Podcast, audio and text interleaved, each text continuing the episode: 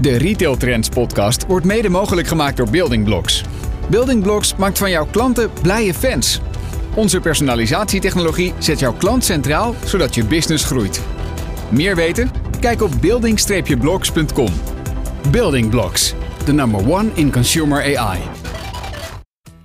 Welkom bij de Retail Trends podcast, de podcast waarin ik met opvallende retailers spreek over de retaillessen uit hun carrière. In deze podcast ga ik in gesprek met Huub Vermeulen, voormalig CEO van Bol.com.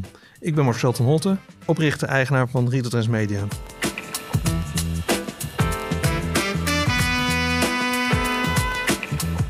Huub, leuk jou vanmiddag te mogen interviewen hier in eh, Den Bosch in het kantoor van Crossmarks. Ja, leuk om hier te zijn, zo lekker ja. bij huis. Ja, ja dat heb ik, heb ik naar gezocht en gevonden. Um, ja, je woont in Rosmalen inderdaad, om de hoek. Ja, om de hoek. En uh, het is niet vaak dat je dicht bij huis wordt uitgenodigd. Hey, je hebt nu even geen, uh, geen kantoor, hè? Nee, ja, ik heb een klein kantoortje in mijn huis, maar dan kunnen we dit niet doen. Nee, precies. Welkom. Um, nou, zoals we in deze podcast altijd uh, starten is...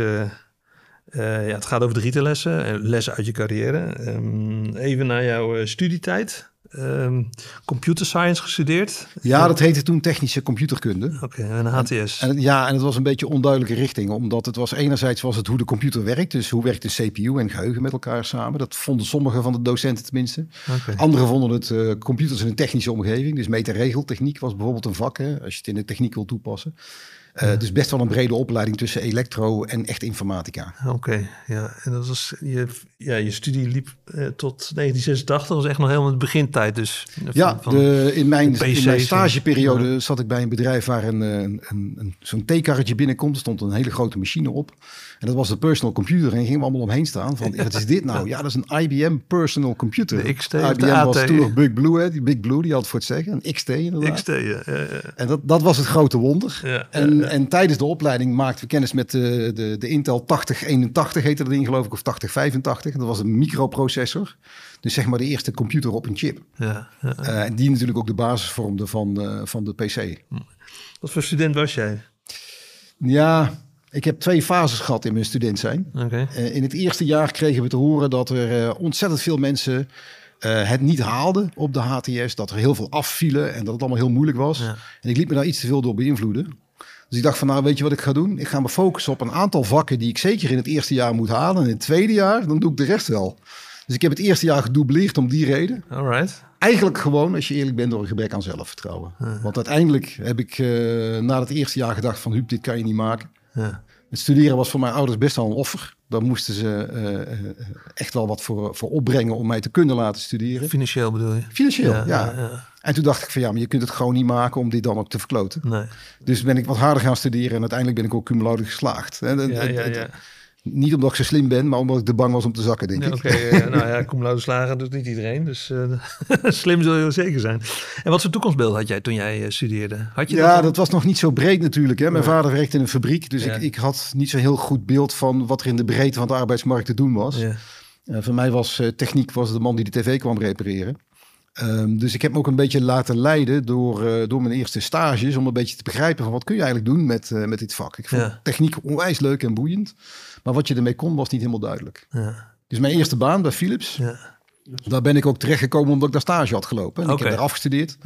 En ik vond het heel leuk. Was, was je kwam uit Brabant? Ja, ja, ik, ja, ik, ja. Ik, ik, woonde toen ook al. Ik kom uit Breda van origine. Dus, um, dus het voelde als thuis. Ja, het voelde als thuis. Mensen hadden allemaal dezelfde uitspraak als ik heb. Iets anders in Eindhoven. Ik hoor het verschil. Maar de rest van de wereld niet. Nee. Um, en het was een klein clubje in een groot bedrijf. Uh, waar je snel heel veel verantwoordelijkheid kreeg vond ik, uh, waar ik heel veel kon leren. Dus ik ben daar begonnen. Oké, okay. als, als engineer? Ja. Als engineer, ja. ja machines uh, uh, bouwen. Binnen die afdeling brachten wij computers naar de werkvloer. Wat ja. eigenlijk toen pas voor het eerst kon. Hè? Want voorheen waren die dingen te groot en te kwetsbaar om dat te kunnen doen. Wij bestuurden hydraulische persen en ovens met die computers. Ja, dan deed je zo'n project, dan reisde je naar Amerika of, of Zweden of okay. Duitsland of Frankrijk. En daar ging je dan die machines in bedrijf stellen. En na vier jaar dan uh, stap je over naar de ja. Bosch, Bosch Rexroad. Ja, heette toen nog Hydrodine, ook een Brabants bedrijf in Bokstel. Oké, okay, industriële automatisering. Niet heel ver van Eindhoven. Nee, nee, nee, lekker, lekker om de hoek. Ja, en daar ben ik naartoe gegaan omdat ik, uh, ik vond bij Philips van Wijs leuk. Maar ik had wat meer van de wereld. Ik begon om een beetje te zien hoe het allemaal, hè, wat je allemaal kon doen eigenlijk als je ging werken. En ik wilde heel graag iets met commercie doen. Dat leek me heel interessant. Ja. Dus toen ben ik gaan zoeken naar een bedrijf waar ze, ja, waar ze commercianten zochten. En, en Bosch, Rexrood, toen Hydrodine, die zeiden tegen mij, ja dat mag, maar we hebben een enorm tekort op onze technische afdeling. Dus als je één jaar lang op de techneut bent bij ons, dan zetten we je daarna in op sales. Dat zou sales in Nederland zijn. Maar in dat jaar uh, waren er een paar uh, dingetjes in het internationale waar ik een rol in speelde. Toen zei ze, joh, jij gaat wel sales doen, maar jij gaat projecten verkopen wereldwijd. Wat eigenlijk een veel leukere uitdaging mhm. was, vond ik. Dus toen heb ik Flight Simulator Motion Systems verkocht. Wow. Ik zeg het heel graag, omdat het heel ingewikkeld klinkt. klinkt heel Maar het zijn de systemen die onder simulatoren zitten, die de piloot of, of de bestuurder van wat dan ook het gevoel geven dat het echt beweegt. Ja, ja, een hele hoogwaardige hydrauliek. Uh, en die verkoop je heel projectmatig uh, over de wereld, letterlijk. Veel eh, Noord-Europa en Noord-Amerika. Het probleem was alleen dat dat werd verkocht aan, in de defensie. Hè? Dus ze hadden het mhm. voor tanks en voor vliegtuigen. Alleen toen ik daar zat, jaren 90, brak de vrede vreselijk uit. Dus opeens moesten we maar een andere markt zoeken. Was er geen behoefte meer aan? Nou, toen stond ik in Amerika. De ene dag stond ik op een hele serieuze beurs met, uh, met, met defensiemateriaal. En de volgende dag stond ik op een pretparkbeurs. Waarnaast mij iemand hotdogs op een stick stond te verkopen. Ja, ja, ja. Maar dat, dat, hele, kon ze ook gebruiken. Hele leuke ervaring. ja. ja. En ja, dan, ja, dat was wel je eerste commerciële ervaring dus. Ja. En dat was als, als techneut. Ja, het geluk was dat het heel erg consultative selling is. Hè? Dus, dus je, je moet zelf van inhoud hebben. Ja, ja, en de grap is dat je verkoopt iets heel hoogwaardig mechanisch, maar je verkoopt het aan mensen die eigenlijk gewoon computers aan het bouwen zijn, want die bouwen simulatoren. Dus ik sprak die taal eigenlijk veel beter dan die mechanische taal. En daarmee kon ik een brug vormen ja. tussen de, de, kern van het bedrijf waar ik vandaan kwam en de klant. Mooi, mooi. En dan... Um ja, na, na, een jaar of vijf stap je over naar DocData. Ja. Ook, ook een Brabants bedrijf. Ook een Brabants bedrijf. Ja, ik, ja. nou, je het zegt, ik nooit ja. gerealiseerd dat ik zo lang blij, ben blijven hangen. Ja, het was allemaal dicht bij huis te vinden. Ja, um, ja en dat was eigenlijk weer zo'n stap, omdat ik bij Hydrodine dacht van, uh, nou is leuk, sales is interessant. Wat ik ook heel veel ook daarbij deed, het internationale, leerde me ook gewoon veel van mezelf. Hè. Je wordt heel erg op jezelf aangewezen. En toen dacht ik van ja, maar management is eigenlijk nog interessanter. Hoe ga ik dat dan doen? Dus ik begeleid al wel wat stagiairs, maar veel verder kwam het niet. En toen ben ik dus gewoon gaan zoeken naar een plaats waar je uh, sales, wat ik had, wat ik meenam, en IT, wat ik meenam, hoe je daar dan uh, uh, management aan kon toevoegen. En toen kwam ik bij een bedrijf terecht, dat heette CAE, onderdeel van, van DocData, Control Application Engineering. Die deed die technische automatisering, nou daar kwam ik vandaan. Ja. En die detacheerde mensen daar. Okay. Um, dus als je mensen detacheerde, dat was overigens wel cold selling af en toe, hè, dus cold calling en uh, mensen verkopen. Dan daarna ging je die mensen ook, dan was je de manager van die mensen. Dus daar maakte ik een, die, die brug tussen uh, commercie en manager. Ja. En leerde ik ook hoe je, ja, hoe je mensen meeneemt. Alright. En als je daarop terugkijkt, wat, wat, wat heb je dan met name geleerd? Wat, je hebt het over leren? Wat, wat... Nou, ik heb daar heel veel verschillende dingen geleerd. Ik heb voor mezelf heel veel geleerd van hoe je mensen motiveert en betrekt en meeneemt. Uh, ik heb ook geleerd dat er een soort iets, als, iets is als de leugen van de salesman, noem ik dat altijd. Dat heel veel verkopers, die wekken de indruk dat ze heel actief de markt aan het bewerken zijn. Uh. En er zijn er die dat echt doen, maar dat zijn er heel weinig. Echt cold calling doen heel weinig mensen. Oké. En uh, ik kwam erachter omdat ik merkte dat in dat bedrijf dat ook niet zoveel gebeurd was. Dus er lag een enorme map, toen nog in papier. Met allemaal printouts van bedrijfsbeschrijvingen. En dan stond erbij, hier moeten we, hier moeten we. En dat was een enorme map, helemaal verzameld. Maar er was niemand van gebeld al die jaren. Hmm. Dus ik ging naar de, de directeur toe, mijn baas. Ik zei, joh, het is heel raar. Iemand heeft hier een jaar besteed om die map te maken, maar heeft nooit iemand gebeld. En dat is niet zo handig, want dat bleek hij dan geweest te zijn. Oké. en toen ben ik gaan cold callen. Dat heb ik één keer in mijn leven gedaan. Ik wil het ook nooit meer doen. Dus dan ga je een, uh, pak je een hele grote kop koffie. Je pakt een lijst met tien nummers. En je dwingt jezelf om die tien nummers te bellen voordat je de deur weer open doet. Ja. Um, ja, en dat, dat, dat werkt wel. Maar, maar daar moet je echt wel iemand voor zijn. Ik ben daar eigenlijk niet de man voor. Dan was je te technisch voor misschien of te, te, ja, te inhoudelijk misschien. Ik, ik, ben ook niet een netwerker, iemand die snel uh, contacten legt. Nee, nee. Ik, ik, had op, overigens wel door op een gegeven moment dat de truc was dat je de intermediair moest pakken. En dan de advertenties van, van ongeveer een week of vijf geleden moest pakken. En dan belde je naar die advertentie en dan zei die man... ja, maar we willen geen uh, reacties van dit soort bedrijven. Ik zei, nee, dat snap ik. Maar ik heb maar één vraag. Heb je al iemand gevonden?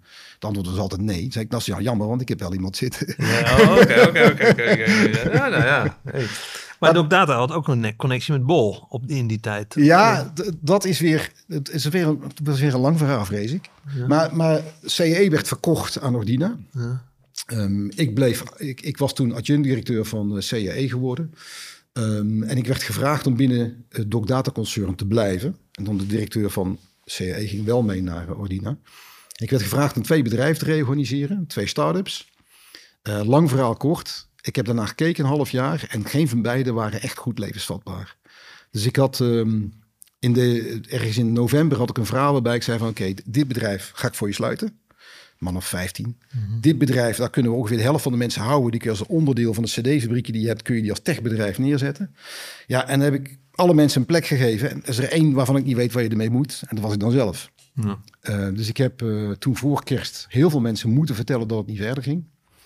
Uh, ik had toen nog geen goede timing. Ik heb daar veel van geleerd. Ik had grotere wallen onder mijn ogen dan ik vandaag dag heb. En het is al niet weinig. Ja, um, maar ik heb ook wel geleerd dat als je in een bedrijf zit, dat zachte heel meestal heel erg stinkende wonden maken. Want als je dat moet oplossen, je moet met die mensen dat gesprek voeren dan ga je niet in je koude kleren zitten. Daar leer je juist van om besluitvaardig te worden als het gaat op wat moet onze volgende stap zijn. Mhm. Welke mensen passen daarbij en welke niet. Had je het achteraf niet beter een nakerst kunnen doen? Of heb je dat gevoel niet gehad? Nee, nee dat was een sense of urgency. Het moest gewoon, moest gewoon gebeuren. Moest gewoon gebeuren. Het was onvermijdelijk. En ik was gewoon toevallig de man die er zat. Ja, heftig. Dus toen had ik even niks.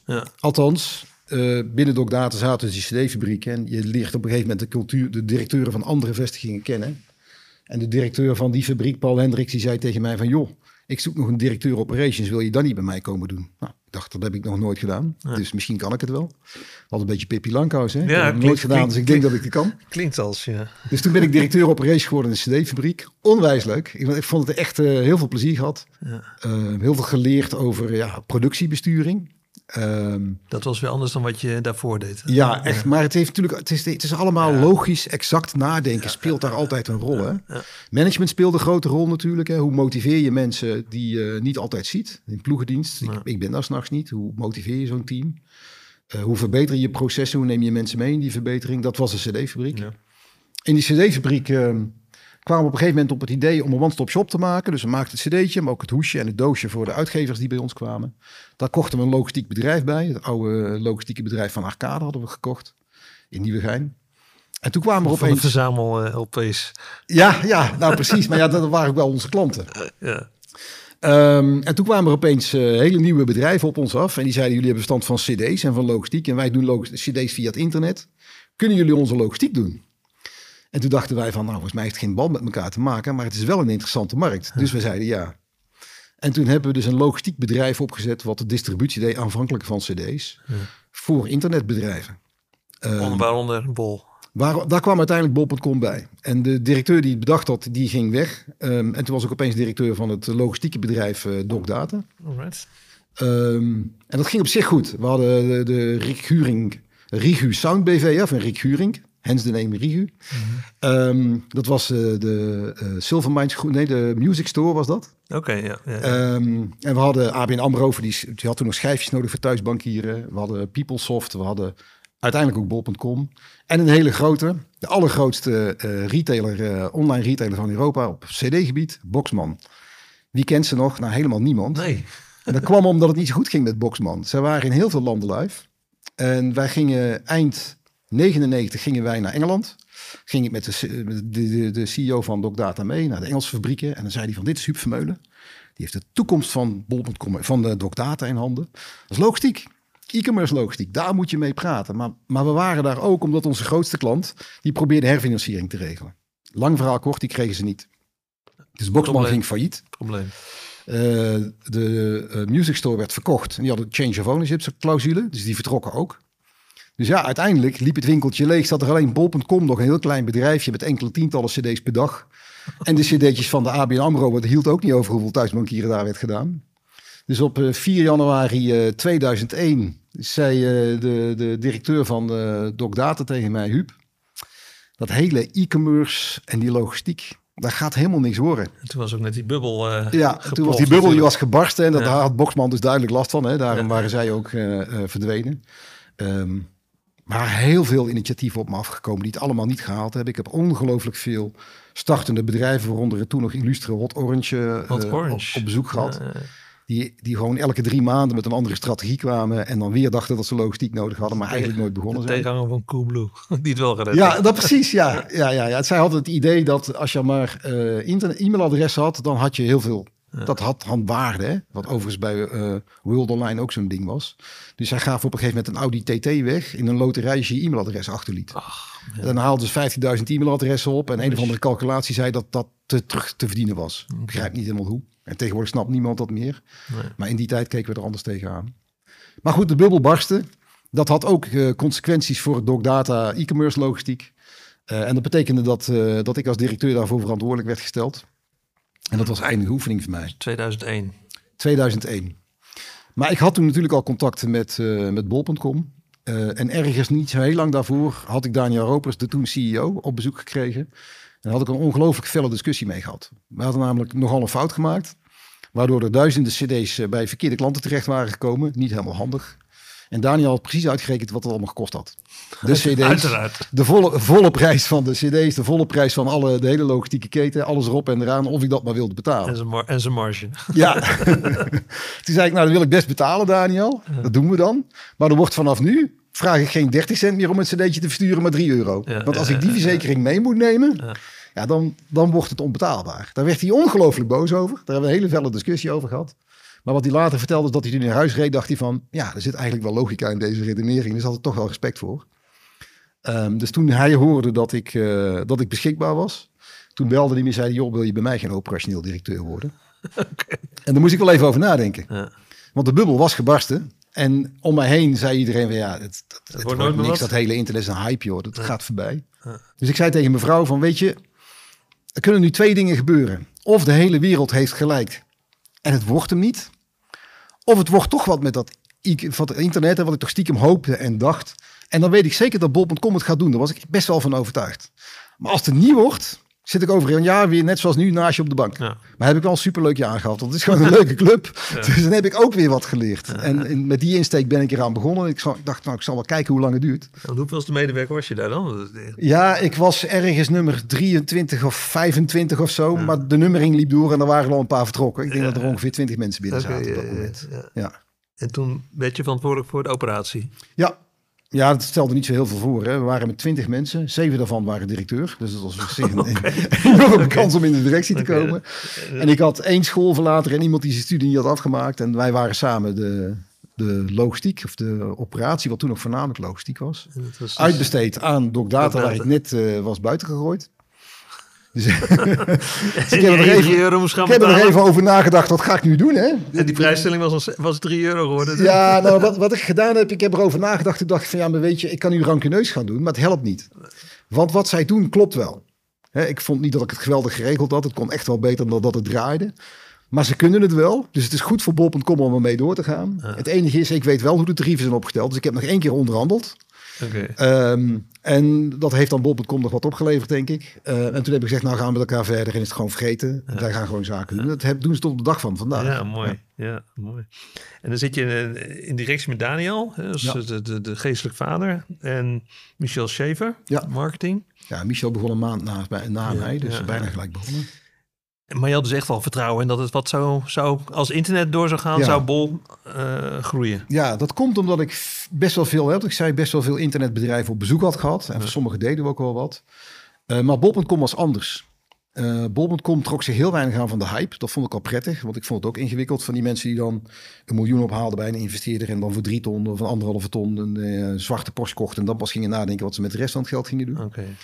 Okay. maar Bol.com was heel nuchter, down to earth. En, en allerbelangrijkst, ze meten alles. Ze weet, wisten altijd alles. dus als wij logistiek niet helemaal voor elkaar hadden, dat kwam vaker wel dan niet voor eerlijk mhm. gezegd, dan wisten zij precies waar dat zat. Dan hadden ze gewoon de data en dan kwamen ze binnen en zeiden ze, wacht even, ik, ik zie hier iets wat niet klopt. En dat vond, ik, dat vond ik heel erg onderscheidend. Dus de focus op, uh, op, op de business zelf en niet om de gekheid eromheen, de nuchterheid. De datagedrevenheid, daar, daarvan dacht ik van ja, dit, dit is bijzonder. Voelde je een beetje de drie musketiers van e-commerce land? Ja, op een, gegeven moment hadden we dat gevoel wel een beetje, ja. Maar dat, daar doen we wel alle andere mensen tekort mee die daar ook in dat bedrijf zaten. Dus dat hebben we ook nooit zo gezegd. Maar onder elkaar zeiden we wel eens tegen elkaar, we zijn toch een beetje de drie musketiers. Tegen de grote boze buitenwereld. Maar Bob.com is er veel meer mensen uh, succes geworden dan die drie musketiers hoor. Als je nou terugdenkt aan die eerste jaren, wat is Wat zijn dan mooie herinneringen? Wat, uh, ja, kijk, mooiste herinneringen? Het, het, het, het, was heel breed. Het, het, leuke was dat ik kwam in een totaal studenticoos bedrijf terecht. Hmm. Er waren heel veel jonge mensen, heel veel schoolverlaters die enorme verantwoordelijkheid kregen. Um, ik had tot die tijd, ik, ik, was bij, bij, bij Doc Data directeur. Daarvoor heb ik die bedrijven gerealiseerd. Was ik ook op papier directeur voor zolang het duurde. En dan hoorde ik elke keer ook van de curator overigens van... joh, uh, wat, wat ben jij jong, weet je? Een jonge man die dit al doet en oh, die verantwoordelijkheid op die leeftijd. Ik was 37 toen Daniel me bijvoorbeeld introduceerde. Die zei, ja, ik, ik zocht iemand, een oude man met ervaring. En vanaf dat moment was ik oud. Ja, ja, ja, en dat is ook nooit meer overgegaan eigenlijk. Want de mensen bij bol.com bleven altijd jonger dan ik. Waardoor ik de illusie had dat ik ook jong was. Uh, dus dat, dat, dat is ook al heel heerlijk. Het is een hele... Heel, en dat is heel lang zo geweest. Een heel dynamisch bedrijf met een enorme bruisende dynamiek. En ook jaren later, 15, 20 jaar later, toen we inmiddels in Utrecht zaten, kwamen mensen op bezoek en dan liepen ze door de centrale hal, waar, waar allemaal tafels waren waar mensen konden overleggen. En dan zei ze, als je hier binnenkomt, dan voel je een soort van vibe. Dan, dan beweegt het. Het enthousiasme van de mensen voel je als je rondloopt. Ja, ja, dat heb ik altijd gevoeld. Dat is heel bijzonder. Dat was het de eerste dag al. En in de eerste dag was het extreem studenticoos met een, een flipperkast um, en, dat was een, nieuwe en een voetbaltafel die veelvuldig gebruikt werd. Dat was het pand in Nieuwegein. Ja, in Nieuwegein met een vrijdagmiddagborrel die nog in een kroeg was in Nieuwegein. Uh, maar waar we mee stopten, omdat we het toch niet zo heel goed vonden van de imago van het bedrijf, want het liep altijd uit de hand in die kroeg. Ja. En toen hebben we zelf uh, van wat hout een uh, bar in elkaar getimmerd. En bij de kringloop een bankstel gehaald. En gezegd, dit is onze, onze, onze bar, vanaf nu. En deden we het vrijdagmiddagbol in het bedrijf. Zodat we om zeven uur konden sluiten. En dan moest je daarna, als je naar de kroeg ging, was die in ieder geval niet meer bol.com die daar in de lampen hing. Nee, nee, nee, nee. nee. Um, maar wel een hele leuke sfeer. En, en een hele gedreven sfeer. Een enorme, dus in mijn ogen, een exponentiële groei. En, en wat was dan voor jou de grootste uitdaging om het te managen? In, in, nou, in, in, ja, in die beginjaren, maar ook daarna. Het is natuurlijk ja, maar groter geworden. De rode draad door die, die groei heen is... Die, elke fase kent zijn eigen uitdagingen. Um, en de grote uitdaging die je erheen loopt... is dat je je bedrijf als organisatie verandert... Uh, door de jaren heen als het bedrijf groeit. Bol.com heeft ook zijn eigen richting veranderd. Hè. Uiteindelijk zijn we van een, een, online boekenwinkel naar een platform gegaan... wat ook een enorme transformatie is door de jaren heen. Maar wat spannend is, zeker eh, eh, als manager, is dat als een bedrijf groeit, dan verandert de eisen die je stelt aan de managers in dat bedrijf. En dat is best wel pijnlijk. Dus de mensen van het eerste uur die je rechterhand zijn, waar je helemaal op vertrouwt, die het in de hand hebben, die het voor je doen, die kunnen drie jaar later al niet meer geschikt zijn voor het bedrijf. Omdat het bedrijf groter is geworden, omdat je dan niet meer die hele hands-on manager nodig hebt. Dan heb je een manager over die zijn, nodig die zijn team wat meer uh, in de gang zet. Nou, en lerend hè, van mijn vreselijke voorkerstexercitie van hè, het reorganiseren van twee bedrijven, wist ik, dan moet je ook iets doen. Dan moet je in gesprek en zeggen, sorry, jij was hier gewoon. En die mensen zaten er met ziel en zaligheid in. Hè. Die hadden dezelfde passie als ik had en mijn collega's voor dit bedrijf. Ehm, en die waren loyaal. En die moest je dan toch zeggen, ja, maar voor jou is dit niet meer het niveau. En heel vaak lukt het om die mensen op een ander niveau in het bedrijf te halen. Maar veel mensen hebben ook een ego en dat kun je niet kwalijk nemen. Nee. Uh, ik zou het zelf ook heel moeilijk vinden en die verlieten dan het bedrijf. En dat is pijnlijk. Ja. Maar als je niet kritisch blijft kijken naar die mensen. Ik had ooit een manager en die zei tegen mij, Huub, mijn mensen zijn allemaal kanjers. En zei ik tegen hem van ja, sorry, maar als jij dat echt denkt, dan heb ik niet zo heel veel aan jou en je mensen al helemaal niet. Want als ze allemaal kanjers zijn, dan kun jij ze niet doorontwikkelen. Dan kunnen ze bij jou niet groeien. Dan gaan ze voelen ook. En als jij ze allemaal kanjers vindt, dan ga je ook niet ervoor zorgen dat waar het niet werkt, dat er ingegrepen wordt. En dat moet je echt wel doen, helaas. Dat gaat vooral om het ontwikkelen van mensen, maar soms betekent dat ook dat mensen andere keuzes moeten maken. En dan moet je ze bij helpen. Ja. En dan 2012, dan uh, staat Aalt op de stoep. Ja. Die neemt de aandelen over van uh, Shirt Investment en uh, eh, NPM Capital. Ja. ja. Hoe was dat voor jullie?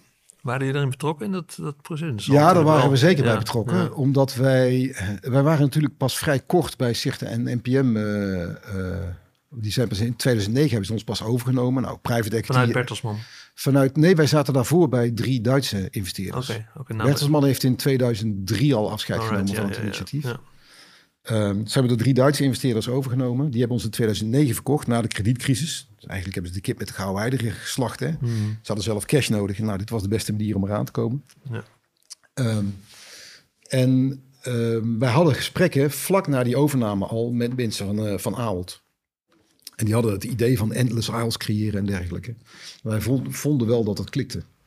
Uh, maar het was te vroeg. Mm -hmm. uh, totdat uh, zelf meldde van ja, we zijn nu bezig om naar dit soort initiatieven te kijken. En we willen ook even naar bol.com kijken. En toen zei Daniel, dat is best, als je, en dat was in november of zo, als je maar zorgt dat in januari klaar zijn. Want we hebben hele grote plannen, we hebben geen tijd voor deze flauwekul. Nee, nee, nee. Of, dus, of Daniels. ja, dus we hebben een, uh, een vrij snel traject gedaan. En daar ben je natuurlijk altijd bij betrokken als management. Ja. Dan heb je zo'n prachtig verhaaltje wat je vertelt over je bedrijf. En gesprekken met, uh, met Ahold. En daar is die transactie uitgekomen. Wow. Ja. Als je dan uh, kijkt naar de, de, transitie, je bent dus in eerste instantie eigendom van investeerders en dan word je ja. eigendom van een, uh, ja, het, uh, een van de grootste retailers van, van zeker van Nederland. Ja. Hoe anders is dat? Nou, dat op zich viel dat wel mee. Hè? De, de, de private equity clubs kunnen soms heel erg challengers zijn. Uh, Aalt is meer een, iemand die budgetten maakt, hè, zoals grote bedrijven dat doen. Dus dat ligt wat anders. Dus opeens moet je dan in september al weten wat je volgend jaar gaat doen. Oh, ja. Nou, dat is een beetje heel erg vroeg voor ons, want het is een veel dynamischere markt dan dat je. Want dan moet je in de zomer al uitrekenen wat je in het jaar daarna allemaal van plan bent. Dus dat vonden we wel uh, spannend. Maar tegelijkertijd viel het ook wel weer mee om, om, om twee redenen. De ene is een, um, een prachtig citaat van Dick Boer bij zijn afscheid. Dick Boer zei bij zijn afscheid: If you make the numbers, you earn the freedom to operate. In goed Nederlands. Mm -hmm. um, maar dat is echt wel waar. Weet je, als je als je, je cijfers waarmaakt, dan heb je de vrijheid om, om dat ook te doen op de manier waarop je zelf het meest in gelooft. En dat, dat heeft altijd gezorgd dat jullie en, toch een redelijke status aparte kunnen houden. Zowel bij Zichten NPM als bij uh, Ahold heeft ons dat echt wel geholpen om de ruimte te houden moeten doen. Ja. En wat heel belangrijk is geweest, is dat wij voor, vlak voor de overname, er is zo'n moment dat de partij die je overneemt, een aantal vertegenwoordigers daarvan, volgens mij is dat Sander van der Laan daar onder andere bij, en de directie van het te verkopen bedrijf zitten dan in zo'n mooi private dining kamertje ergens met elkaar nog een keer te praten, te eten en te praten.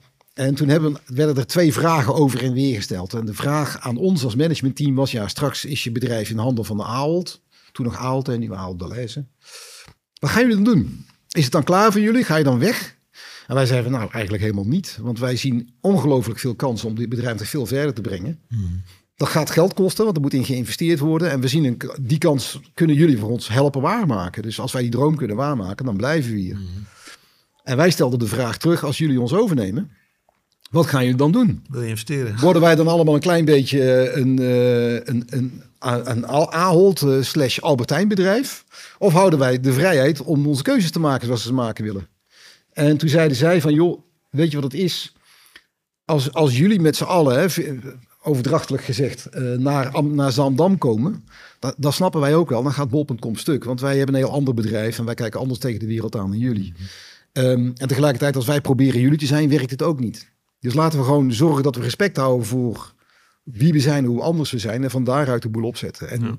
die belofte om, om het bedrijf in enige mate van, van zelfstandigheid te geven, en met name de eigen cultuur en de eigen way of working overeind te houden. Ja.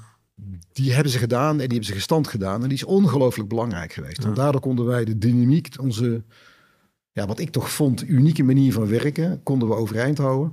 Um, en kregen we ondertussen wel een, een aanlouder die bereid was om echt mee te investeren in verdere groei.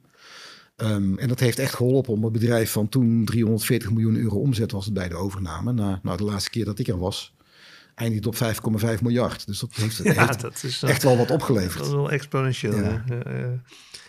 want als je kijkt terug, waar is die groei met name door, door veroorzaakt? Investeren zeg je, maar ook door de connectie met, met de, de, de andere bedrijven zoals, zoals Ethos en uh, is dat, nee, heeft dat niks mee te maken? Niet, dat, dat heeft wel wat opgeleverd, maar het is niet doorslaggevend geweest voor de groei van het bedrijf. De, wat, wat denk ik doorslaggevend geweest voor de groei van het bedrijf is eigenlijk twee dingen. Je, je als je kijkt uh, naar bedrijven, moet je ook het goede moment op de goede plaats zijn.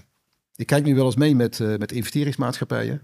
En die kijken dan naar een bedrijf en die kijken naar de kwaliteit van het management en naar de strategie. Maar die kijken ook naar de markt erachter. Is dit het goede moment dat die springplank kan ontstaan? Ik denk dat wij op het goede moment van die springplank zaten. Dat is gewoon geluk. Oké. Um, ook voor maar, geluk dus. Maar dan moet je wel de goede dingen doen. Ja. En wat wij gedaan hebben, wij waren tot 2007 waren wij de grootste mediawinkel van Nederland, noemden we onszelf. Hè? Dus wij gingen in boeken, cd's, dvd's. Ja.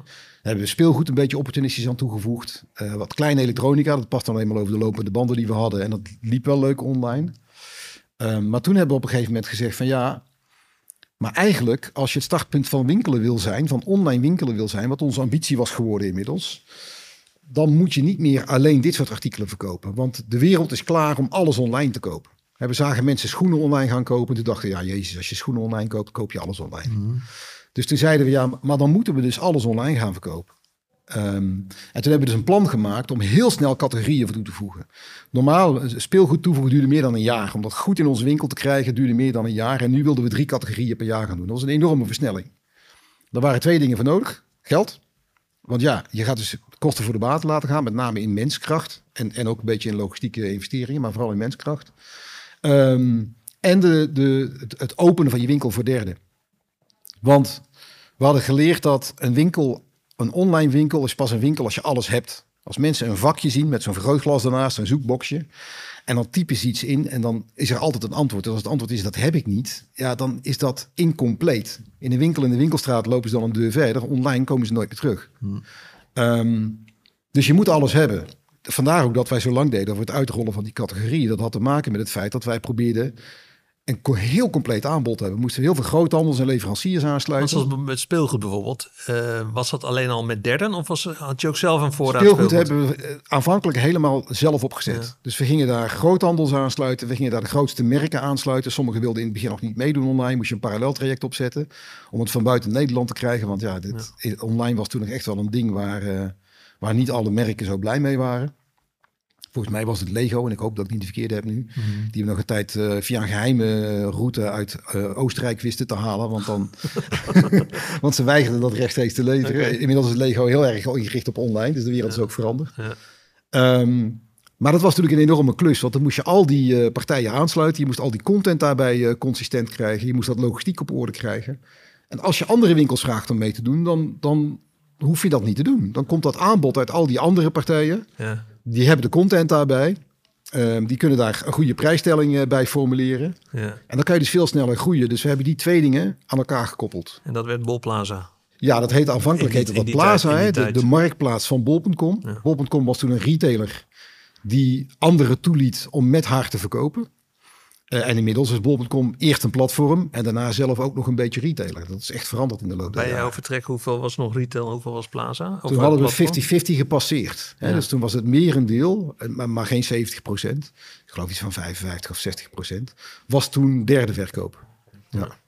En dus, dus ik denk dat die combinatie van die twee, hè, eigenlijk die drie. De markt opent zich. Hè, het mhm. momentum moet er zijn dat mensen denken, joh, nu snappen we het. Ja. Ehm, wij gingen breder verkopen, wat natuurlijk per definitie al meer markten opent. En we eh, hebben dat, uh, dat marktplaatsmodel geïntroduceerd, uh, waardoor dat ook een vliegwiel kreeg.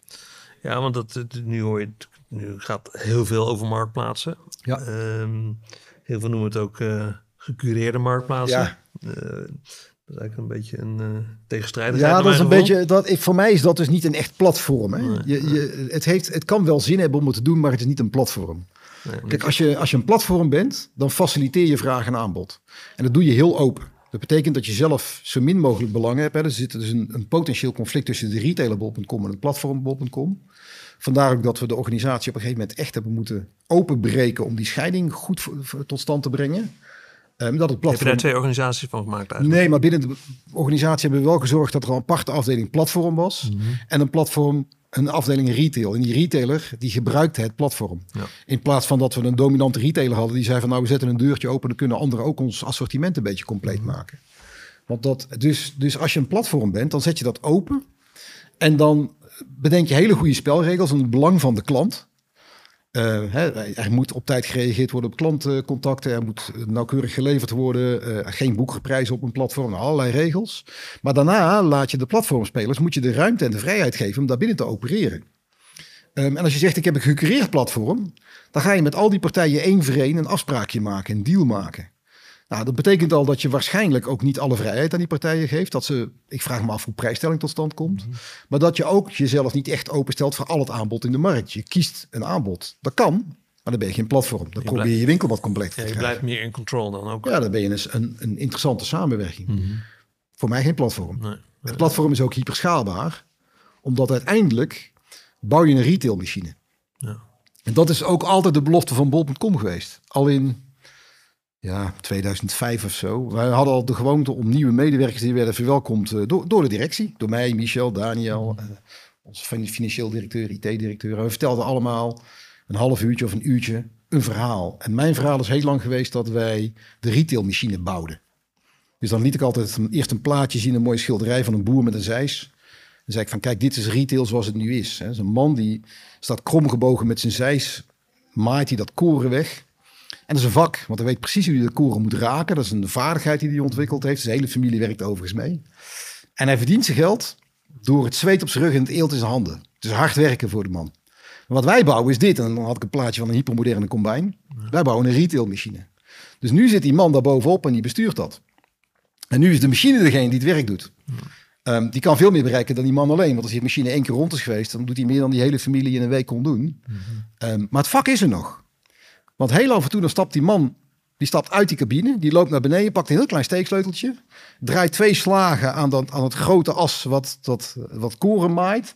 En dan rijdt hij een paar meter en dan kijkt hij of hij net iets meer rendement uit zijn uh, maaiactie weet te halen. En als dat niet is, dan stelt hij nog een klein beetje bij. En dat is wat wij gaan doen. Wij gaan niet meer met elke dag hetzelfde doen. Hard werken, zweet in de handen, eelt op de rug. Uh, eelt op de rug, zweet, uh, zweet in de rug, eelt in de handen.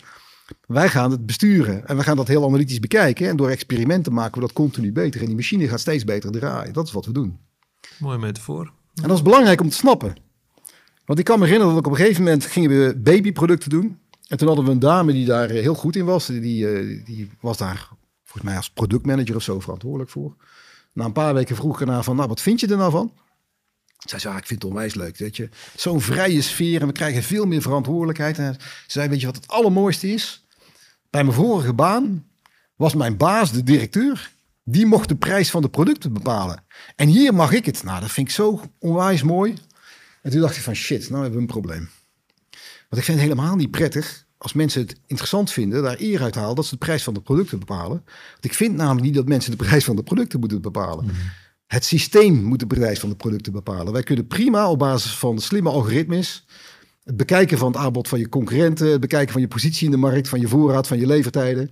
Op basis daarvan de optimale prijs voor de klant bepalen. Dat spel moet veel belangrijker zijn dan zelf in Excel-sheet de hele dag eh, getallen manipuleren. Dus dat, dat nadenken over eh, heel analytisch, heel systematisch omgaan met retail. Dat is wel de essentie van wat bol.com is. En in een platform is dat natuurlijk ultiem zo. Omdat je daar ook echt de machine het werk laat doen. Ja. Het, het, het, het sourcen van het product doen je platformpartners. De, de logistiek, nou, die doe je of zelf als, als faciliterende dienst. Maar je, je kunst is vooral dat je door middels van systemen heel goed inzicht krijgt in al het aanbod, heel goed inzicht krijgt in, in de markt, de klanten als individu, als groep. Uh, en op basis daarvan uh, slimme keuzes maakt en het hele proces uh, voortdurend optimaliseert en bestuurt. Hm. En, dat, en dat gaat eigenlijk helemaal terug. Hè? Ik zei net, waarom was bol.com interessant? Vanaf de eerste dag meten ze alles. En dat data gedreven zijn, dat sprak me aan. Hm. Ik heb uh, meterregeltechniek, zat in mijn vak. Hè? Ja, ja, ja. Ik heb ook de eerste jaren ovens bestuurd. en waarom ovens? Want ovens die kun je als eerste met de computer besturen, want die zijn, die zijn heel traag. Uh, en als je snelle processen wil besturen, moet je ook heel vaak een correctie doen. En als een computer traag is, werkt dat niet. Dus overigens zijn thermische processen zijn langzaam. Hè? Het wordt niet zomaar warm in je huis. Uh, maar wat je leert is dat als jij de temperatuur in een kamer tot op een graad nauwkeurig wil besturen, moet je tot een halve graad nauwkeurig kunnen meten, anders lukt het je nooit. En dat geldt dus ook voor je bedrijf. Als je je bedrijf echt wil kunnen besturen, dan moet je ook echt precies meten wat er aan de hand is. En nog steeds, hè, ik ben nu commissaris bij, uh, bij, uh, bij bedrijven en ik kijk wel eens met investeerders mee naar bedrijven. Mm. Valt het me op dat lang niet alle bedrijven, ook al zijn ze al vaak snel gegroeid, dat wel, echt weten, echt weten wat er allemaal gebeurt. Echt goed meten wat er nou precies gebeurt in de logistieke stroom. Op basis van statistiek, op basis van data. Echt weten waar ze geld aan verdienen. Ja, weet je, iedereen heeft dan, we moeten deze inkoopmarge halen. Maar wat heb ik aan inkoopmarge? Um, een gegeven moment ging onze, uh, toen was ik al, uh, mijn logistiek directeur die aan mij, logistiek manager aan mij rapporteerde, die ging op een gegeven moment verhaal halen bij de mensen van de dierenafdeling. Die zei, joh, jullie verkopen balen hooi voor konijnen. Weet je wel hoe groot dat is en hoe moeilijk is dat te versturen? En dat kost helemaal niks. Ja, dat is dan 50% marge op. Ja, 50% marge op, op 6 euro, 3 euro. Die kun je die baal hoor niet van pakken. Dus het simpele idee dat je alleen maar stuurt op inkoopmarge is een onzinnig idee. Dat geldt overal. Maar je zult ze de kost moeten geven die nog steeds niet twee lagen dieper kijken en dat echt inzichtelijk maken. En echt proberen te begrijpen hoe verdienen we hier nou geld? Ja.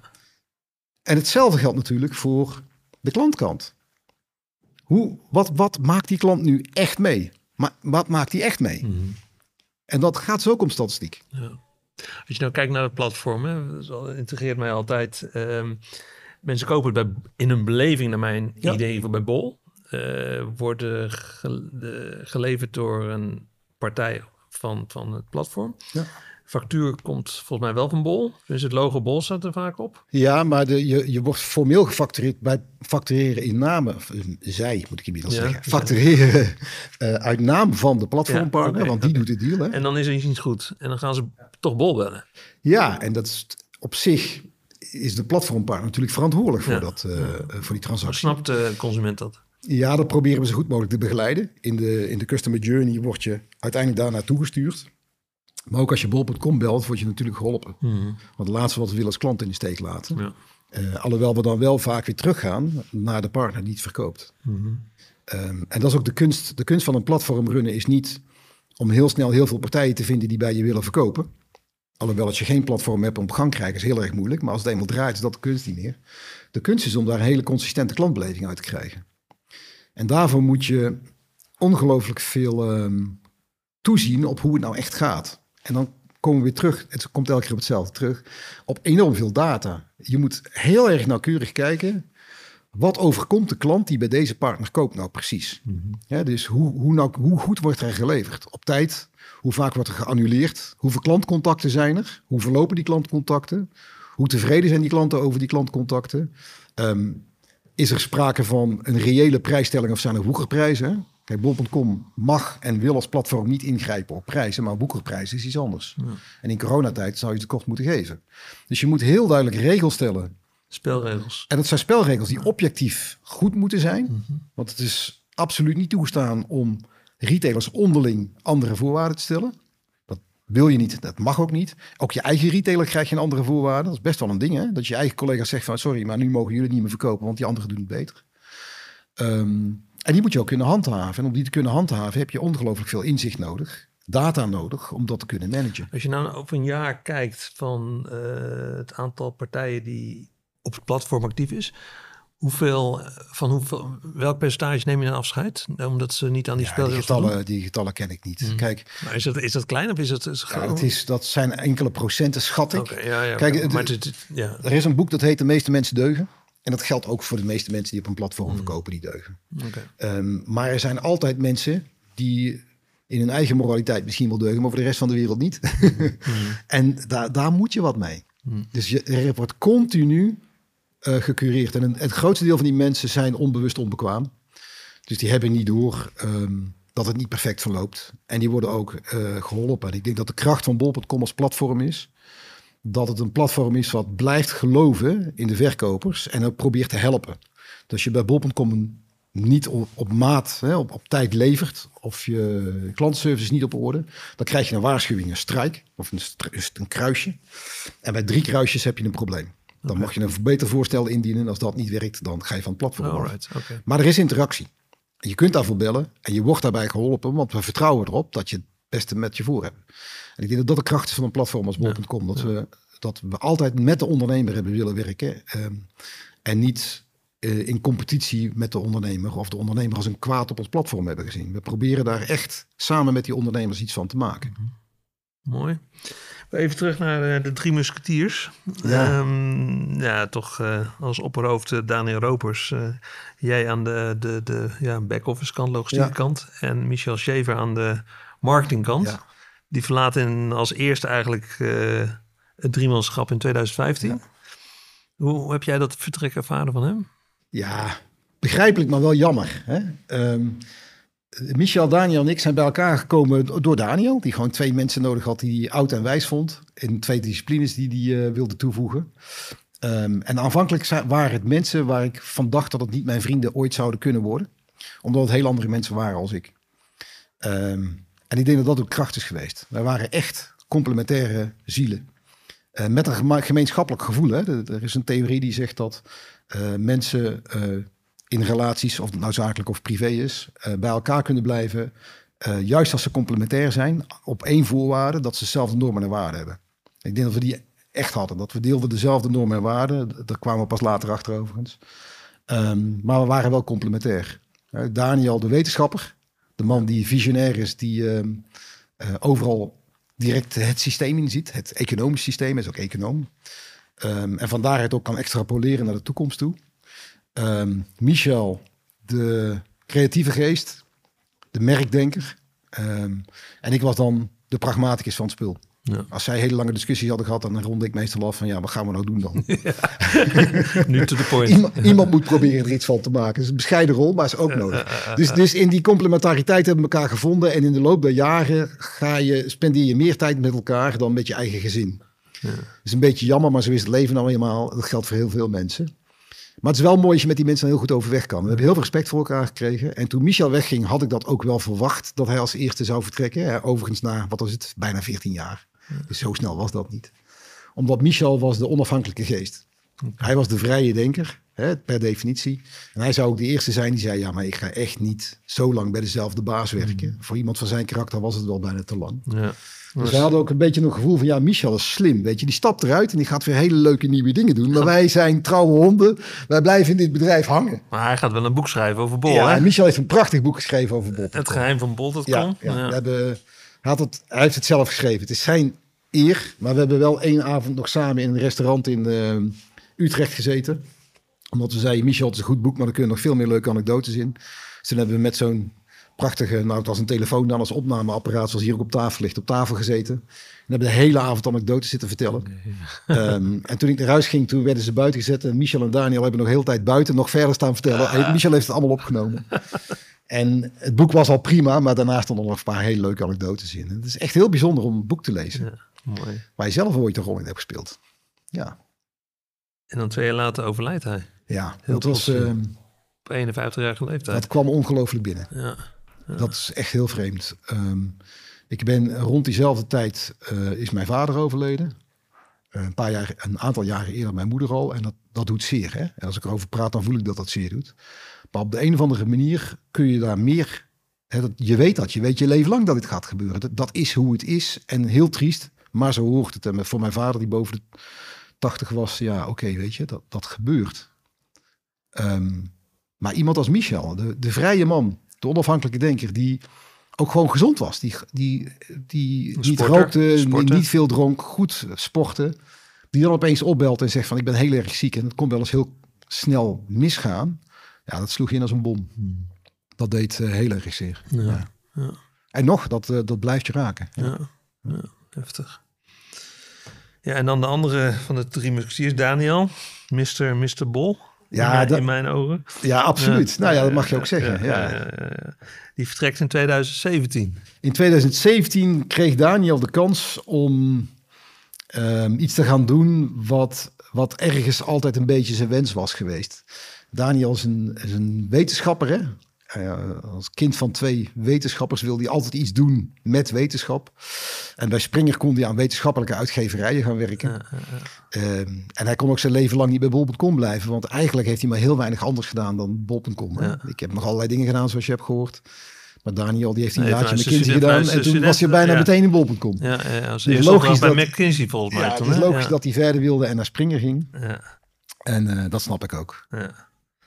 Was jij de, was jij de gedoodverfde opvolger van hem? Voelde je dat nou, zo? ik heb dat nooit zo gevoeld, nee. Je, je, hebt vaak in bedrijven dat er sprake is van kroonprinsen. Dan vind ik dat sowieso raar gedrag, die hele carrière. dat is ook heel gevaarlijk trouwens. Ja, ja en die carrière interesseert me niet. Ik, ik, denk daar niet zo over na. Nee. Dus ik was ook bijna verbaasd dat ze mij ervoor vroegen.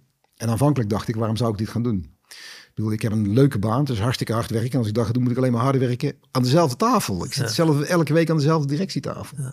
Alleen een andere stoel misschien dan. Ja, totdat ik bedacht, wat er dan zou gebeuren als ik het niet deed.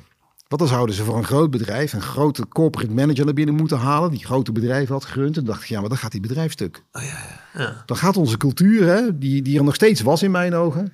Waar we nog steeds in geloofden. Onze manier van werken wat wij toch stiekem, de drie musketiers zagen dat echt als de geheime saus van het bedrijf. Nog steeds. Ja. Dat zou dan stuk gaan. Dus dacht nou, dat moet ik niet doen. Dan kan ik het beter zelf proberen. Dan overkomt het me niet. Dus toen heb ik daar ja uh, gezegd en heb ik dat uh, een aantal jaren met heel veel plezier gedaan. En toen bleek het dan eigenlijk heel leuk te vinden eigenlijk. ja. ja hoe, hoe, lastig was het voor jou om, om uh, Daniel op te volgen? Een zeer extroverte, ja, vrije denken, ook vrije denken inderdaad. Ja. En, en, jij bent de ja, van de oorsprong toch een wat introvertere technische man. Ja. In mijn beleving dan, maar goed, misschien zie ik dat fout. Ja, ik ben, ik ben niet de extravert die Daniel dus ik kan best wel een verhaal vertellen. Ja, uh, dat blijkt nu. ja, ik vind het ook leuk om op het podium te staan, maar zo één op één ben ik best wel saai.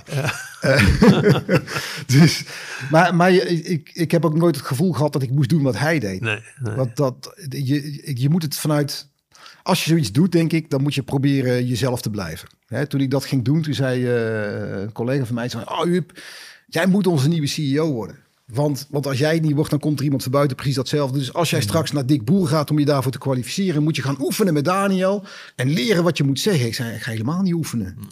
Ik ga er gewoon totaal onvoorbereid heen. En dan ben ik wie ik ben. Want, want ik, ik kan nu een spelletje spelen in een uur. Maar ik ga niet vijf jaar lang een spelletje spelen. dus ik ga erheen als ik ben. Als dat niet goed is, dan moet ik het ook gewoon niet doen. Je wil geen kopie van Daniel zijn. Nee, dus ik, ik, heb dat geprobeerd om helemaal te, vanuit mezelf te doen. Mhm. En het was ook niet zo moeilijk, omdat we inmiddels wel een heel goed team hadden zitten. Van mensen die ik kende en vertrouwde. En we hebben daar ook nog wat mensen aan toe kunnen voegen in de, in de jaren daarna. Dus ik heb dat team zelf verder mogen uitbouwen. Um, uh, en ik heb dus, ik ben minder, denk ik, het gevoel gehad dat ik Mr. Bol.com was. Ik vond meer dat ik er was om de organisatie te organiseren. Mm -hmm. En ik denk overigens dat bedrijven die echt groot worden, dat dat sowieso een uh, goede opdracht is voor een CEO. Ja. En natuurlijk ben je boegbeeld. Ik zat opeens bij BNR Nieuwsradio en ik stond op de tv af en toe, als er een magazijn open ging, moest ik een verhaaltje vertellen, weet ik veel wat. Mm. Oké, dat doe je ook. Hè? Dat was wel even wennen, maar dat, dat kun je leren. Zeker als je net zoals wij dat hadden, hele goede communicatiemensen hebben die je een beetje helpen. Um, maar je moet vooral de organisatie organiseren. Want inmiddels ben je zo groot dat je in je directiekamer echt goede mensen kunt neerzetten. En als je erop let, en dat heb ik echt geprobeerd, dat die mensen echt complementair zijn. Dat heb ik ook geleerd van hè, wat we dan de drie musketiers noemen. Dat had nooit gewerkt als wij precies hetzelfde waren. Als wij allemaal de visionaire geest van Daniel waren, hadden we alleen maar ruzie gemaakt. Als we allemaal de creativiteit hadden van Michel, waren we alle kanten op gegaan. En als we allemaal het pragmatische van Huub Vermeulen hadden gehad, was super efficiënt, maar het werd nooit groter. Nee. Weet je, dus, dus, dus, dus je moet die complementariteit, die moet je in je team zien te vinden. En daarna moet je dat team bij elkaar brengen.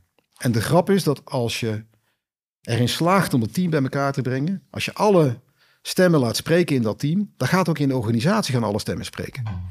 En, en ja, ik noem dat altijd uh, in mijn hoofd duizend bloemen laten bloeien. Dat is best wel gevaarlijk, want het schijnt een mouwkreet geweest te zijn. Mhm.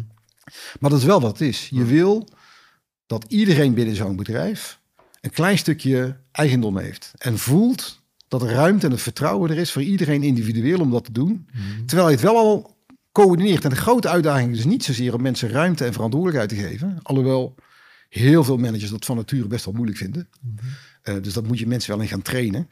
Uh, maar dat kan. Maar de kunst is om het dan ook te coördineren. En, en dat doe je binnen je eigen team. En dat team doet het binnen de organisatie. En dat vond ik CEO zijn. Je hebt dat vier jaar gedaan. Um, als jij op die vier jaar terugkijkt, waar ben je dan persoonlijk het meest trots op? Ja, ik ben, ik ben trots op de reis die we met elkaar gemaakt hebben in die vier jaar. Maar dat was een verlengstuk van de reis daarvoor. Standing on the shoulders of giants, zeggen ze altijd. Ja, ja, en dat is natuurlijk zo. Maar wat we wel voor elkaar hebben gekregen, is dat we het, de platformgedachte echt verder hebben gekregen. Dat we, terwijl we gingen van anderhalfduizend naar tweeënhalfduizend mensen, toch nog die, die sfeer, die cultuur, die way of working van dat bedrijf verder hebben kunnen brengen. Wat ik ongelooflijk belangrijk vond. Uh, dat we door corona ingekomen zijn met elkaar. En dat we van uh, anderhalf, duizend, anderhalf miljard naar vijf en half miljard zijn gegaan in vier jaar tijd. En dat gaat niet om het getal, hè. Want het, het, ging ons nooit om hoe groot word je. Maar het was altijd van... Ja, maar je, je, je kunt alleen maar verder als je, als je voldoende impact maakt. Je, anders dan, dan gaat er iets niet goed met dit bedrijf. En we moeten bezig zijn om onze plaats te behouden. Het is meer lijfsbehoud mm -hmm. dan dat we zeiden iedereen op zei hier komen wij aan. Het was meer van ja pas op, we moeten ons, ons kindje moeten we zo goed mogelijk verder brengen. Mooi. We gaan zo nog even over corona hebben. Maar even eh, eerst over duurzaamheid. Dat is ook een item wat natuurlijk in uh, retail en e-commerce heel belangrijk is. Um, waar lag in jouw tijd de focus op? Ja, dat heeft zich ontwikkeld. toen ik cd's stond in te pakken bij, uh, bij Doc Data, toen hadden mensen het over duurzaamheid. Zei ik, joh, hou op, ik pak je 50 cd's in, ik stop ze in een vrachtwagen, kan mij het schelen. Ja. Wat moet ik nou, hoe moet ik nou de wereld veranderen? En um, in 2015 stond ik uh, met projectleider op een veld waar we de eerste paal sloegen voor ons magazijn in Waalwijk. Het was niet de eerste paal, er stonden zeven van die hele grote machines stonden op palen te haaien. En wij stonden voor de show de eerste paal te slaan. maar die zeven machines stonden daarin. En ik, ik woonde daar in de buurt en ik wist dat dat een groot grasveld was waar koeien stonden. Dat wordt tegenwoordig niet meer als natuur gezien. Maar ik vond dat wel mooi. En nu werd het beton, hè? 100.000 vierkante meter werd beton. En dat zou nog 100 jaar blijven, denk ik. Toen dacht ik bij mezelf, ja, maar je kunt nou niet meer zeggen dat je geen impact hebt. En toen ik dat verhaal van dat fantastische magazijn ging vertellen, hè, op het kom zeiden wel eens, nou, binnenkort gaat Huub Vermeulen iets vertellen over het magazijn. Als je zin hebt, kom je maar. Er zaten 100 mensen in dat zaaltje. En ik vertelde van ja, 7 kilometer lopende banden, 135.000 vierkante meter werkvloer. Ik was helemaal trots op mijn statistieken. En zei ik op het eind, en we doen het BRIEM 5. Want we willen onze impact minimaliseren. BRIEM 5 is de hoogste bouwstandaard als het gaat om verantwoord bouwen. Hè. Dat betekent dat je impact terugbrengt, dat je ook veilige en goede werkomgeving creëert. Dat je in de bouw over je impact nadenkt, dat je zoveel mogelijk natuur terugbrengt waar je hem weghaalt, et cetera. En toen zag ik opeens die honderd mensen ongelooflijk blij kijken. Niemand was enthousiast over zeven kilometer lopende banden. Ik wel, maar de rest niet. Maar daar werden ze blij van. Toen dacht ik van, ja, Jezus, ze hebben gelijk ook, weet je. Wij moeten echt nadenken over onze impact. En dat moeten we doen omdat we een verantwoording hebben. Ik heb een verantwoording, wij hebben een verantwoording. Maar dat moeten we ook doen omdat de mensen die hier werken dat belangrijk vinden. Mhm. Wij zijn met z'n allen bom.com. Ik ben het niet met z'n eentje. En zij willen dit ook. Zij dragen dit. En, en heel eerlijk, ik denk dat verantwoord ondernemen, misschien verandert het, maar aanvankelijk veel meer iets is wat je doet voor je, vanuit je eigen verantwoordelijkheid. En vanuit het meenemen van je eigen organisatie. Want mensen willen tegenwoordig, godzijdank, bij de goede club werken. En goede club betekent niet dat je de meeste winst maakt, maar dat je de, de beste dingen doet voor de wereld om ons mhm. heen. En daar merkt het. Ik vind het eigenlijk, wat ik gezien heb, maakt het minder impact op klanten vaak. Op het moment dat bekend werd dat een aantal kledingketens ketens, sweatshops hadden in eh, het Verre Oosten, ging de omzet niet omlaag. Dachten mensen, nou snap ik waarom het zo goedkoop is. Zal er steeds wel goede kleren zijn. Bleven ze gewoon kopen. Ja. Dat is best wel cynisch, maar je moet het doen. Voor jezelf, tegenwoordig ook voor je investeerders, omdat je erover moet rapporteren. Dus dan wordt het groter mee. Uh, maar dat, ik denk dat rond die tijd wij erover zijn gaan nadenken. En in de tijd dat ik CEO was, nam dat, nam dat grote vorm aan. Um, omdat we dat voelden, omdat ik het voelde, omdat het team het voelde, omdat ik in mijn team een aantal mensen hadden die er heel erg gedreven door waren, omdat de organisatie het begon te dragen. en ik, ik, ben heel blij dat we, dat we dat hebben gedaan. Dus we hebben gekeken naar de impact op logistiek, de impact uh, op um, vanuit uh, verpakkingen en echt stappen gemaakt, doelen gesteld en die ook gehaald. En ook gezegd, ja, hoe kunnen we klanten nou helpen om verantwoord te kopen? Dus in de winkel aangeven welke producten de verantwoorde keuze zijn. Mm niet betuttelend, niet zeggen, uh, weet je, dit mag je kopen, maar, maar wel mensen helpen om verantwoord uh, keuzes te maken. In mijn beleving zijn ook echt wel twee, twee bottlenecks, of tenminste twee belangrijke items, de last mile en uh, de retouren natuurlijk, die, die, die in, in, jullie wereld zo belangrijk zijn. Ja, Last Mile, daar hebben we heel veel aan gedaan. Hè? En, en, en zelfs nog een, een, een bedrijf gekocht, Cycloon in fietscouriers. Om te laten zien dat je die Last Mile ook verantwoord kunt doen. Ja. Zij gaan nooit PostNL wegvagen, maar, maar we willen wel een daad stellen om te laten zien, dit kan. En wij trekken zelf die kar. Um, want je kunt verantwoord in de last mile. En, en, en overigens, hè, even om de mythe te ontkrachten die elke keer weer opkomt.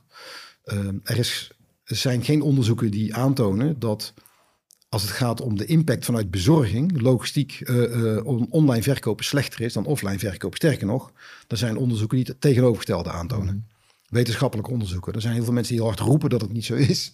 Maar de wetenschappelijke onderzoeken die tonen het tegenovergestelde aan. Ze, eh, om de dood eenvoudige reden dat als een busje van PostNL, die overigens ook nu elektrisch beginnen te worden, als dat door zo'n wijk heen rijdt, dan hebben ze daar, weet ik veel, 100, 150 pakketjes in liggen.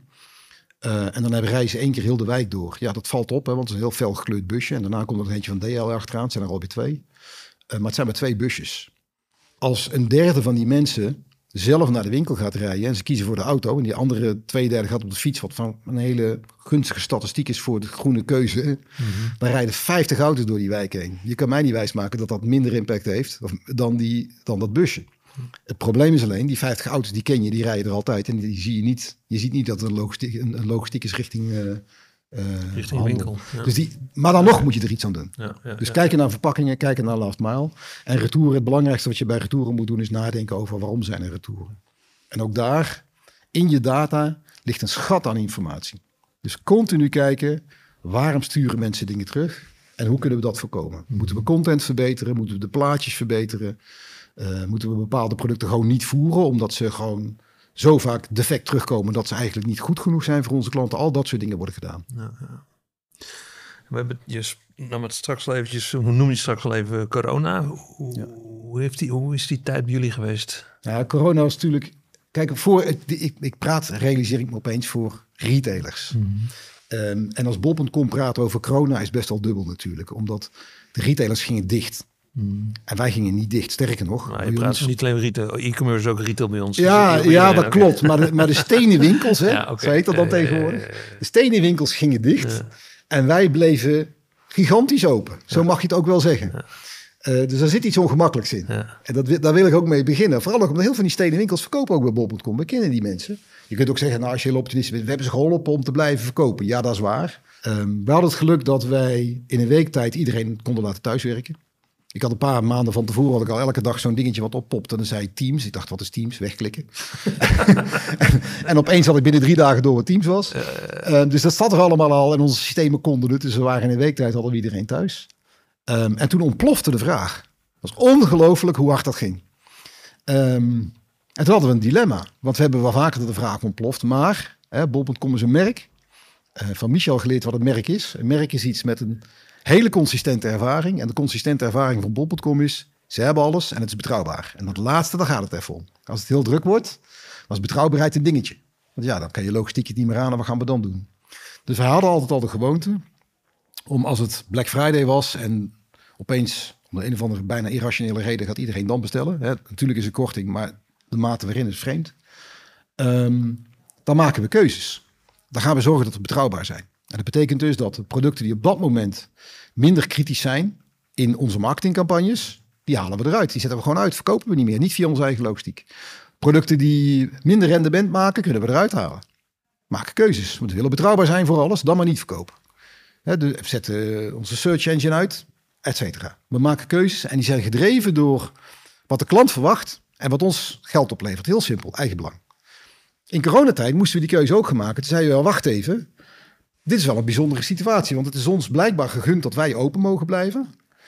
Nou kunnen we de commercieel beste keuze gaan maken, maar dat voelt niet goed. Dat klopt niet. Wij moeten een keuze maken nu waarbij we ons afvragen, wat heeft Nederland nu nodig? Niet waarmee verdien ik het meeste geld mee, maar wat, waarmee helpen we Nederland? En wat wij dachten waar we Nederland mee hielpen was persoonlijke verzorgingsmiddelen. Dat, dat, moet, je, hè, dat moet je blijven leveren. Dat stond, stond op één. Met een aantal gradaties. Op twee stond speelgoed, want de kinderen zaten er allemaal thuis. Op derde de boeken en dingen, uh, of, of, elektronica kwam er dan nog achteraan. Met de thuiswerkartikelen. En al het andere, um, dat stond ver onderaan. En dat was de facto ook, maar nauwelijks misschien via partners, maar voor ons niet meer beschikbaar in onze winkel. En daar waren we heel consistent in. Dus doen wat voor Nederland werkt. En, en ook dan weer merk je dat dat in je eigen bedrijf enorm resoneert. Dat hmm. mensen het enorm prettig vinden dat in zo'n moeilijke tijd Bob.com durft te kiezen voor... Natuurlijk is het makkelijk, hè? Je bent open. Nogmaals, hè? Het, is, het is makkelijk om heel uh, heroïsch te doen als je open bent. Maar dan nog, om dan te kiezen voor wat werkt voor Nederland... in plaats van wat het beste werkt voor Bob.com. Mooi. En voor de rest was het shit zoals het overal shit was. dat je gewoon, ik zat gewoon elke twee weken weer een filmpje op te nemen van auto, er moet maar in. Ehm, en dat is leuk. En je wordt als CEO dan pas echt gezicht van het bedrijf. Hè? Want we hebben geloof ik 200, eh, 300 mensen aangenomen in die tijd die nooit op kantoor zijn geweest, die digitaal zijn aangenomen. Dat is heel bizar. Maar goed, dat hebben we allemaal meegemaakt. En dan, ja, toch even een Amerikaans fenomeen uh, in jullie markt, Amazon. Ja. Um, hoe hebben jullie naar de komst van Amazon gekeken?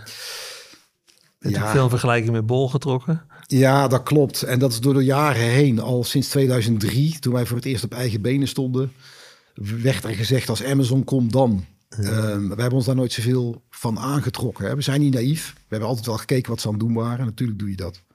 Uh, we hebben ook een keer vaak gekeken wat kunnen we leren van Amazon. Maar eigenlijk veel minder dan je denkt. Ik herinner me dat ik een uh, boek uh, uh, over Amazon, ik weet niet eens meer welke, ooit las. En tot mijn verbazing ontdekten zij dingen in hun reis die wij ook ontdekten op bijna vergelijkbare manier. Hmm.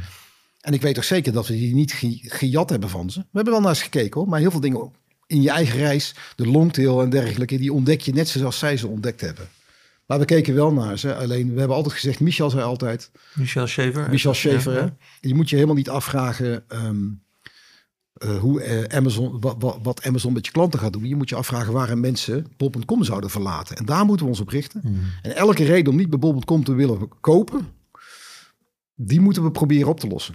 En dan kijk je ook naar dingen, ga je ook wel kijken naar dingen van, oh, weet je, kunnen zij dat beter? Wat moeten wij dan doen? Ja. Maar het laatste wat je wil is een kopie zijn van die andere partij. Hmm.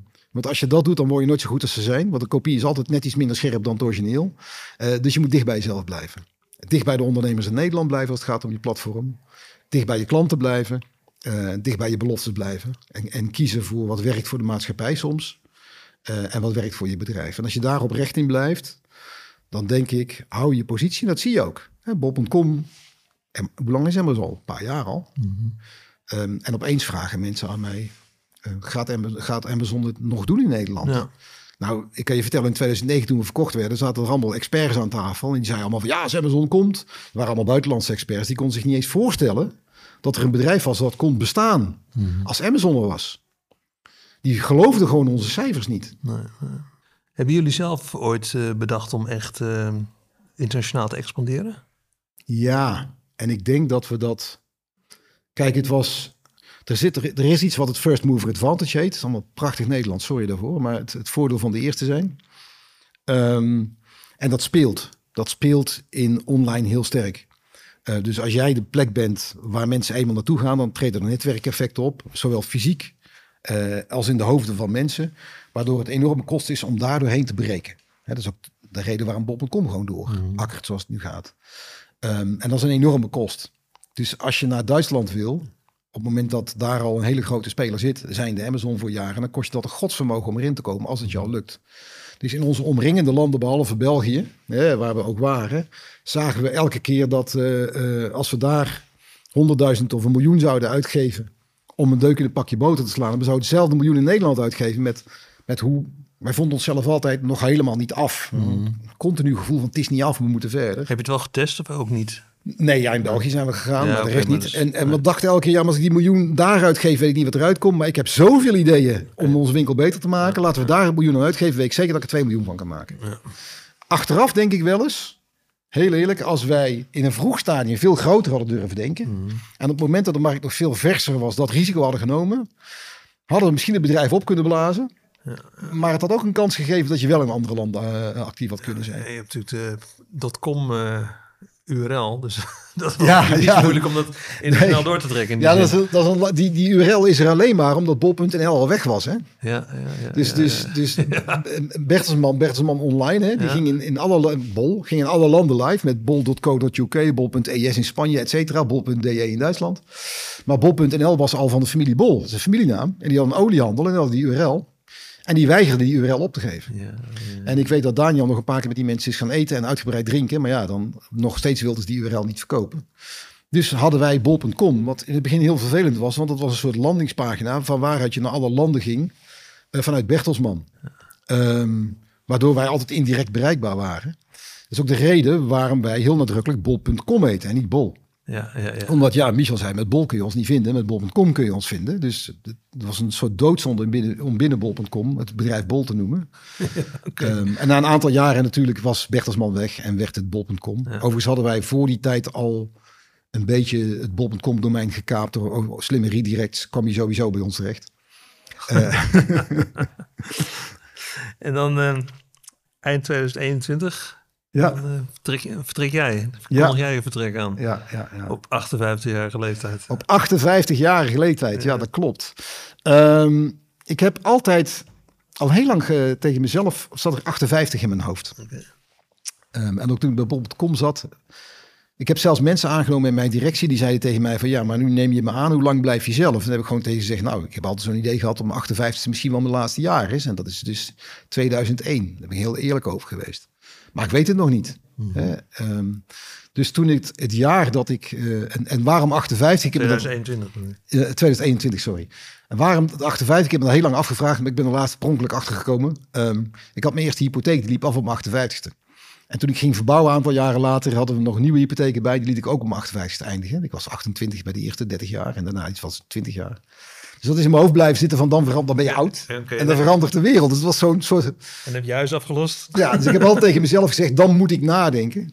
Ehm, en op 1 januari uh, eh, 2021 uh, eh, proostte ik met een goede vriend van ons, waarmee ik elk jaar proost. En die zei tegen mij, en wat ga je doen? Ik zei, hoezo dan? Zei, ja, dit is het jaar. Ehm, en toen heb ik die knoop doorgehakt, eh, ook omdat bol.com een aangekondigde beursgang had. Uh, en als je als CEO een beursgang doet, dan kun je niet een jaar daarna weg. Dus dan zou ik echt ver over mijn 58 heen moeten. En dat vond ik gewoon te lang. Niet omdat ik het zat was, niet omdat ik het niet leuk vond, uh, maar wel omdat het heel intensief was. Mm. En ik dacht op een dag gun ik het mijn omgeving en misschien ook wel mezelf om wat minder intensief met mijn werk bezig te zijn. Ja. Nou, die beursgang is even uitgesteld of is überhaupt niet? Ja, welke beursgangen winnen wel door? Hè? Geen één ging er meer door. Maar goed, dan uh, ben van, van een super hardwerkende CEO uh, in één keer zelfstandig ondernemer of adviseur. Ja, ZZP'er ben ik, ja. Met mijn eigen administratie die altijd in de mist, de mist ingaat. Okay. Ik krijg wel boetes van de Belastingdienst en zo, maar het komt wel goed. Ja, ja. Hoe, hoe bevalt dat? Nou, aanvankelijk heel slecht. ja, moet je gewoon eerlijk in zijn. Je, je stelt je voor van straks dan uh, heb ik heel veel tijd. Ja. Maar je realiseert je niet dat, uh, dat je werk je twee dingen brengt. Hè? De, de, de, het is de plek waar je thuis hoort. Um, en het is de plek waar je zingeving zit. Hè? Sense of purpose, sense of belonging. Um, want ja, waarom ga ik s'morgens zo in bed? Nou, als je bij Bob.com werkt, ongeacht wel, acht welke rol je hebt, als je goed in de wedstrijd zit, dan weet je waarom je uit je bed komt. Weet je, ja, je hebt je gezin en je kinderen, heel primair. Maar daarna is het toch echt omdat we moeten verder. En altijd het gevoel gehad, met z'n allen. Gisteren was niks, maar vandaag gaat het echt beter. En dat houdt je op de been. Dus dat is simpel. Je weet waarom je wakker wordt. Um, en je hoort daar thuis. Je komt daar en uh, je ontmoet daar eerst Sylvia, een hele trouwe assistente. En je praat een beetje bij uh, over hoe het gaat. Mm. En daarna zit je met je team. En daar hoor je bij. Dat, dat is je clubje. Mm. En op een dag zit je thuis en dan realiseer je dat het hele clubje er niet meer is. En dat ja, ik moet op, want de hond moet eruit. Maar als die hond uit is geweest, weet ik het even niet meer. Dan heb je geen purpose. Nee. Dus, en en om dan op zolder uh, treintje in elkaar te zitten schroeven, is het ook niet. En ik ben ook een beetje te oud om elke zaterdagmiddag te gaan biljarten met iedereen die uh, boven de 70 is. Of te jong eigenlijk. Te jong voor je. Ja. ja. Dus dan moet je op zoek naar. Uh, en dat is wel dat is gelukt, maar dat, dat heeft tijd nodig. Dat heeft tijd nodig. Nu adviseer je, ben je commissaris? Ik ben commissaris bij een aantal bedrijven. Ik adviseer. Ik kijk soms mee met de investeerders die wat op het oog hebben. En het is ongelooflijk leuk. Als jij nu uh, afrondend um, kijkt naar de Valence retail e-commerce, um, hoe kijk je daar nu tegenaan met, met wat meer distantie? Uh, welke toekomst zie jij? De, die toekomst, die, die primair gaat die toekomst natuurlijk niet meer zijn dat uh, we alleen nog maar stenen winkels hebben. Hè, de, er zijn een aantal concepten, Action is een mooi voorbeeld die houden helemaal draaien op stenen winkels. Onwijs knap wat die van elkaar hebben gekregen. Heel veel wondering voor. Maar daarnaast zie je dat je hebt een paar pure players online. Dat moeten dan diepe specialisten zijn. Uh, of hele brede platforms. En dat zijn er echt maar een paar. Mm um, en als je een heel breed platform bent, daar is het ongelooflijk concurreren mee als je niet iets beters te bieden hebt. En dat betere moet komen vanuit het echt begrijpen van je eigen business.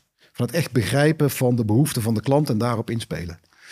Um, en als je dat wil invullen, dan moet je digital first denken. En dat, dat is ook precies de reden waarom veel retailers heel veel moeite hadden met het digitale domein. Die bleven toch stiekem winkel eerst denken. We hebben nou eenmaal die winkels en dan verzinnen we er iets bij en dan gaan we proberen. En dat werkt allemaal niet natuurlijk. Hè? Aanvankelijk met enorme conflicten met franchisers, met ja, ja. Uh, lokale prijsstrategieën. Allemaal dingen die sowieso niet werken als de wereld globaliseert. Hè? Als, als Nederland globaliseert in zichzelf en de prijzen transparant worden. Maar daarna ook gewoon niet echt digital first gedacht.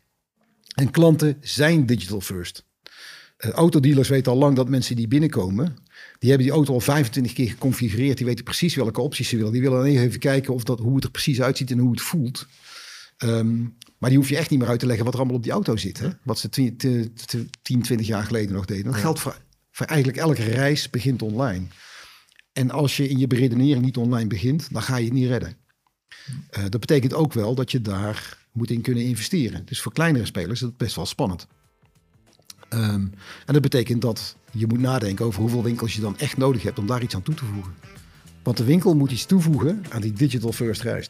En als die niks toevoegt, dan zijn het kosten waar je niks aan hebt. Mooi. Ik uh, wil jou enorm bedanken, Huub, voor jouw uh, bijdrage aan de Retailers podcast. En uh, Graag gedaan. de lessen uit jouw carrière. Mooi verhaal. Dank voor je openheid. Aan alle luisteraars van deze podcast, dankjewel voor het luisteren. Abonneer je nu op de Retailtrends podcast en luister naar de retaillessen van opvallende retailers. Kijk voor meer informatie op retailtrends.nl. Dankjewel.